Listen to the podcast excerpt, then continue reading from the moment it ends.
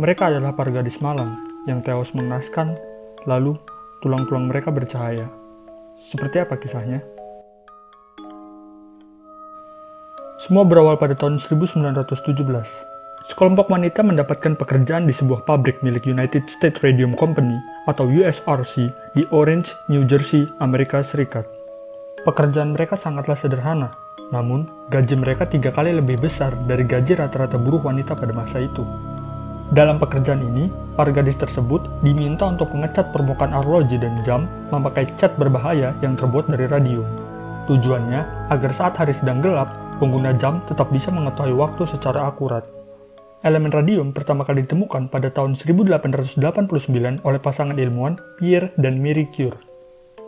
Namun, pada tahun 1910, elemen tersebut baru berhasil diisolasi supaya bisa dikembangkan lebih jauh. Satu dari sekian banyak hasil pengembangan radium adalah cat radium yang pertama kali ditemukan pada tahun 1917. Hal yang masih belum sepenuhnya diketahui manusia pada masa itu adalah efek negatif radium yang sangat mematikan. Dalam kondisi isotop yang stabil, materi radium akan terus memancarkan partikel-partikel alfa pada apa pun yang ada di sekitarnya selama 1600 tahun lamanya. Dalam jumlah kecil di luar tubuh, radiasi partikel alfa memang tidak berbahaya bagi manusia. Namun, kondisi sebaliknya baru terjadi jika radium sampai memasuki tubuh manusia. Saat radium tepat berada di samping sel tubuh manusia atau di dalam aliran darah, radium akan bertindak seolah-olah seperti senapan mesin mini di dalam tubuh manusia radium akan terus-menerus memancarkan partikel alfa ke sel-sel yang ada di dekatnya dan membuat sel-sel tadi bermutasi tanpa kendali. Kembali kepada persoalan gadis-gadis yang bekerja di USRC tadi, saat bekerja, mereka tidak mengenakan pakaian pelindung apa pun. Mereka bahkan diminta menjilat ujung kuasnya supaya saat mengecat angka di permukaan jam, angka bisa tercetak secara akurat dan mudah dibaca. Pada awalnya, segalanya berjalan dengan lancar-lancar saja, tidak jarang, baju mereka belepotan dengan cat bercahaya setiap kali mereka pulang bekerja. Alih-alih merasa kesal, mereka justru merasa gembira karena baju mereka yang bercahaya membuat mereka senantiasa menjadi pusat perhatian. Selama beberapa tahun berikutnya, bekerja di pabrik pengolahan radium menjadi pekerjaan impian bagi kaum Hawa pada masa itu. Semua itu dikarenakan gaji yang sangat tinggi dan para pekerjanya bisa bermain-main dengan cat bercahaya seusai mereka bekerja.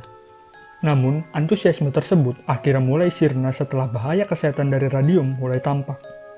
Pada tahun 1922, seorang pekerja bernama Molly Magia jatuh sakit. Tubuhnya membusuk di depan matanya saat dia bercermin. Pada satu titik, seluruh rahangnya benar-benar jatuh, tepat di depan matanya. Setelah mengalami penderitaan yang cukup lama, akhirnya ia meninggal pada tahun yang sama. Pekerja lain juga mengalami hal mengerikan yang sama, Radio menggerogoti tulang mereka, memberi mereka penyakit tumor raksasa, dan benar-benar membuat mereka bersinar dalam gelap. Perusahaan radium Amerika Serikat membantah bahwa mereka bersalah dalam kasus ini. Mereka mengklaim bahwa karyawannya hanya mencoba untuk mendapatkan uang dari perusahaan.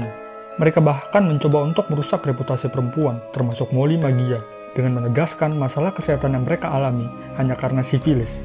Padahal bukan.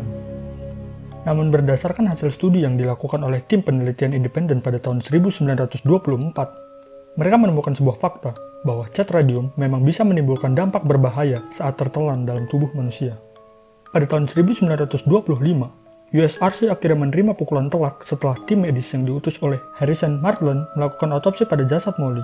Mereka menemukan sebuah fakta bahwa jasad Molly tidak menunjukkan gejala-gejala penyakit sifilis.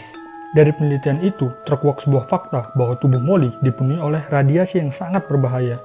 Hasil serupa juga ditemukan pada jasad wanita pekerja USRC yang sudah meninggal. Pada tahun 1928, salah satu pendiri perusahaan itu dan orang yang benar-benar menemukan cat radium meninggal karena terpapar produknya sendiri. Setelah tuntutan pengadilan yang berkepanjangan, akhirnya beberapa gadis diberikan kompensasi oleh perusahaan. Mabel Williams dari Washington mungkin menjadi gadis radium terakhir yang masih hidup. Dia bekerja pada USRC pada umur 16 tahun, dan pada tahun 2015 dia berusia 140 tahun. Sayangnya, pada 23 Juli 2015, ia meninggal dunia. Mabel sangatlah beruntung karena ia tidak menderita komplikasi radium. Menurut keterangannya, ia tidak pernah menjilat ujung kuas seperti gadis lainnya.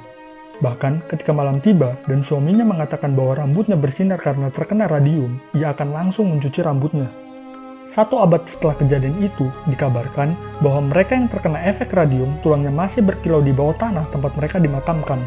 Itu dikarenakan efek radium yang ada pada tubuh mereka. Baiklah, Sekian podcast kali ini. Tetap jadi orang penasaran, jaga kesehatanmu, and see you in the next podcast.